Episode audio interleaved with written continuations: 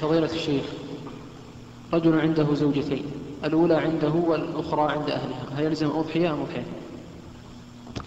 لماذا هي عند عند أهلها؟ زيارة أو تبقى هكذا. ما دام هي زيارة؟ فالأضحية في البيت الذي هو فيه. البيت الأم نعم. وتكفي عنها هي أيضا لأنها هي من أهله وإن كانت عند أهلها. فإذا قال هذا عني وعن أهل, أهل بيتي شملها وإن كانت عند أهلها. ما يصلحون الأخوان حتى ينتهوا نعم.